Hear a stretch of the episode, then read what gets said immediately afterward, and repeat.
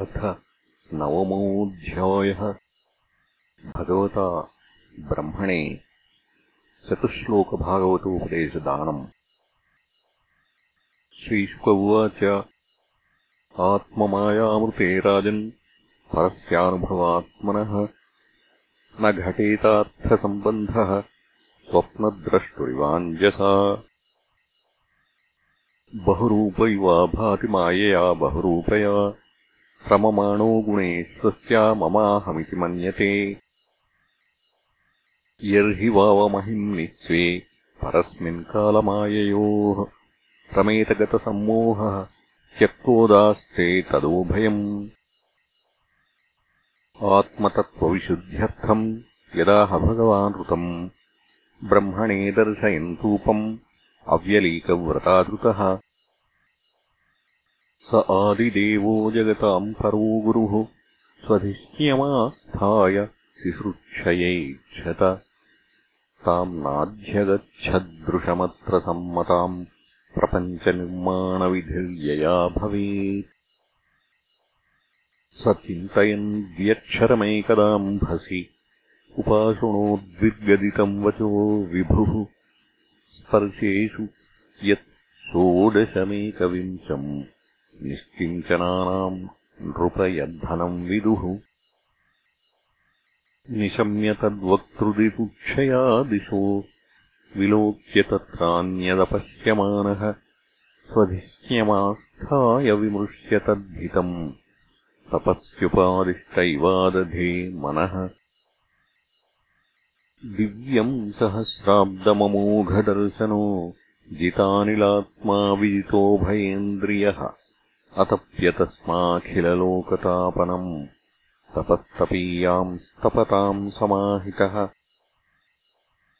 तस्मै स्वलोकम् भगवान् सभाजितः। सन्दर्शयामास परम् न यत्परम् व्यपेतसङ्क्लेशविमोहसाध्वसम् स्वदृष्टवद्भिर्विबुधैरभिष्टुतम्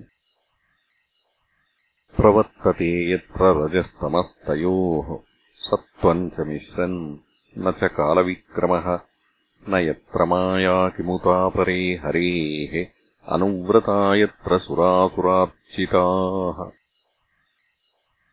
श्यामावदाताः शतपत्रलोचनाः पिशङ्गवस्त्राः सुरुचः सुपेशसः सर्वे चतुर्बाहव उन्मिषन्मणिप्रवेकनिष्काभरणाः सुवर्चसः प्रवालवैडूर्यमृणालवर्चसः परिस्फुरत्कुण्डलमौलिमालिनः। भ्राजिष्णुभिर्यः परितो विराजते लसद्विमानावलिभिर्महात्मनाम् विद्योतमानः प्रमदोत्तमाद्युभिः स विद्युदभ्रावलिभिर्यथा नभः। श्रीर्यत्र रूपिण्युरुगायपादयोः करोति मानम् बहुधा विभूतिभिः। प्रेङ्खम् श्रिता या कुसुमाकरानुगैः। विगीयमाना प्रियकर्म गायती। ददर्श तत्राखिलसात्वताम् पतिम्। श्रियः पतिम् यज्ञपतिम् जगत्पतिम्। सुनन्दनन्दप्रबलार्हणादिभिः स्वपार्षदाग्रैः परिसेवितम् विभुम्।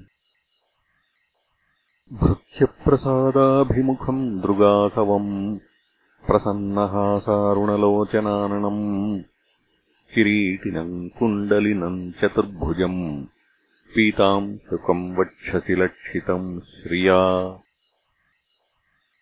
अध्यर्हणीयासनमास्थितम् परम् वृतम् चतुःषोडशपञ्चशक्तिभिः युक्तम् भगैः स्वैरितरत्र चाध्रुवैः। स्व एव धामन् रममाणमीश्वरम्। तद्दर्शनाह्लादपरिप्लुतान्तरो हृष्यत्तमः प्रेमभराश्रुलोचनः। न नाम पादाम्बुजमस्य विश्वसुक् यत्परमहम् येन पथाधिगम्यते तम् प्रीयमाणम् समुपस्थितम् तदा प्रजाविसर्गे निजशासनार्हणम्। बभाष ईशत् स्मितशोचिषा गिरा प्रियः प्रियम् प्रीतमनाः करे स्पृशन्। श्रीभगवानुवाच। त्वयाहम् तोषितः सम्यग्वेदगर्भसशिक्षया चिरम् भृतेन तपसा दुस्तोषः कूटयोगिनाम्। वरम् वरय भद्रन्ते वरेशम् माभिवाञ्छितम्। ब्रह्मन् श्रेयः परिश्रामः पुंसाम् मद्दर्शनावधिः। मनीषितानुभावोऽयम् मम लोकावलोकनम्। यदुपश्रुत्य रहसि चकर्थपरमम् तपः प्रत्यादिष्टम् मया तत्र त्वयि कर्मविमोहिते तपो मे हृदयम् साक्षादात्माहम्। तपसो नघ। सृजामि तपसैवेदम् ग्रसामि तपसा पुनः। बिभर्मि तपसा विश्वम् वीर्यम् मे दुश्चरम् तपः। ब्रह्मोवाच भगवन् सर्वभूतानामध्यक्षोऽवस्थितो गुहाम्। वेदः ह्यप्रतिरुद्धेन प्रज्ञानेन चिकीर्षितम् तथापि नाथमानस्य नाथनाथयनाथितम्। परावरे यथारूपे जानीयान्ते त्वरूपिणः।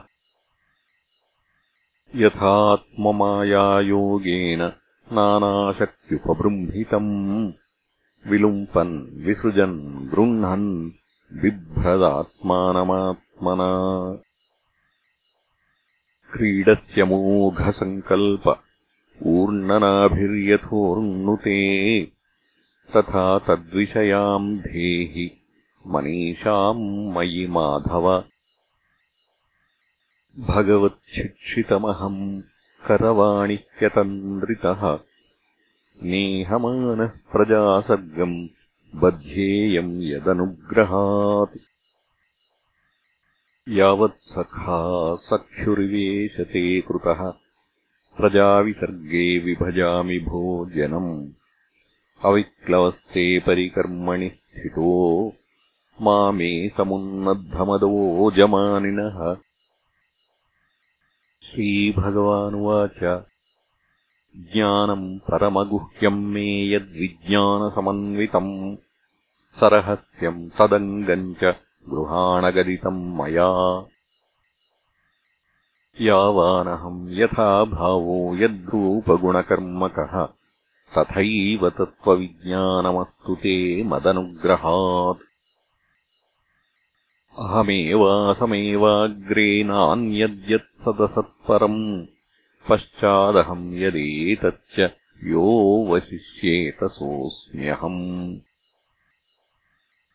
ऋतेऽर्थम् यत्प्रतीयेत न प्रतीयेत चात्मनि तद्विद्यादात्मनो मायाम्।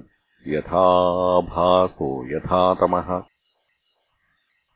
यथा महान्तिभूतानि भूतेषूच्यावचेष्वनु प्रविष्टान्यप्रविष्टानि तथा तेषु न तेष्वहम् एतावदेव जिज्ञास्यम् तत्त्वजिज्ञासुनात्मनः अन्वयव्यतिरेकाभ्याम् यत् सर्वत्र सर्वदा। एतन्मतम् समातिष्ठपरमेण समाधिना भवान् कल्पविकल्पेषु न विमुह्यति कर्हिचित् श्रीशुक उवाच सम्प्रदिश्यैवमजनो जनानाम् परमेष्ठिनम् पश्यतस्तस्य तद्रूपमात्मनोऽन्यरुणद्धरिः। अन्तर्हितेन्द्रियार्थाय हरये विहिताञ्जलिः सर्वभूतमयो विश्वम् ससर्जेदम् स पूर्ववत् प्रजापतिर्धर्मपतिरेकदा नियमान् यमान् भद्रम् प्रजानामन्विच्छन्नातिष्ठत् स्वार्थकाम्यया तम् नारदः प्रियतमो रिक्थादानामनुव्रतः शुश्रूषमाणः शीलेन प्रश्रयेण दमेन च मायाम् विविदिशन् विष्णोः।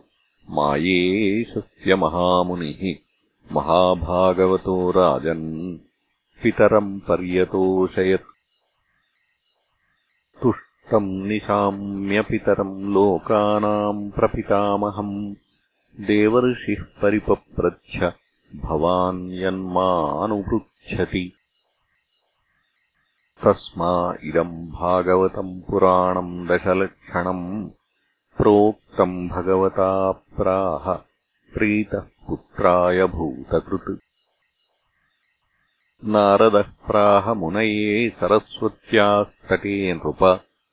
ध्यायते ब्रह्म परमम् व्यासायामिततेजसे यदुताहम् त्वया पृष्टो वैराजात्पुरुषादिदम्। यथासीत्तदुपाख्यास्ये प्रश्नानान्यांश्च कृत्स्नशः इति श्रीमद्भागवते महापुराणे पारमहंस्याम् संहितायाम् द्वितीयस्कन्धे नवमोऽध्यायः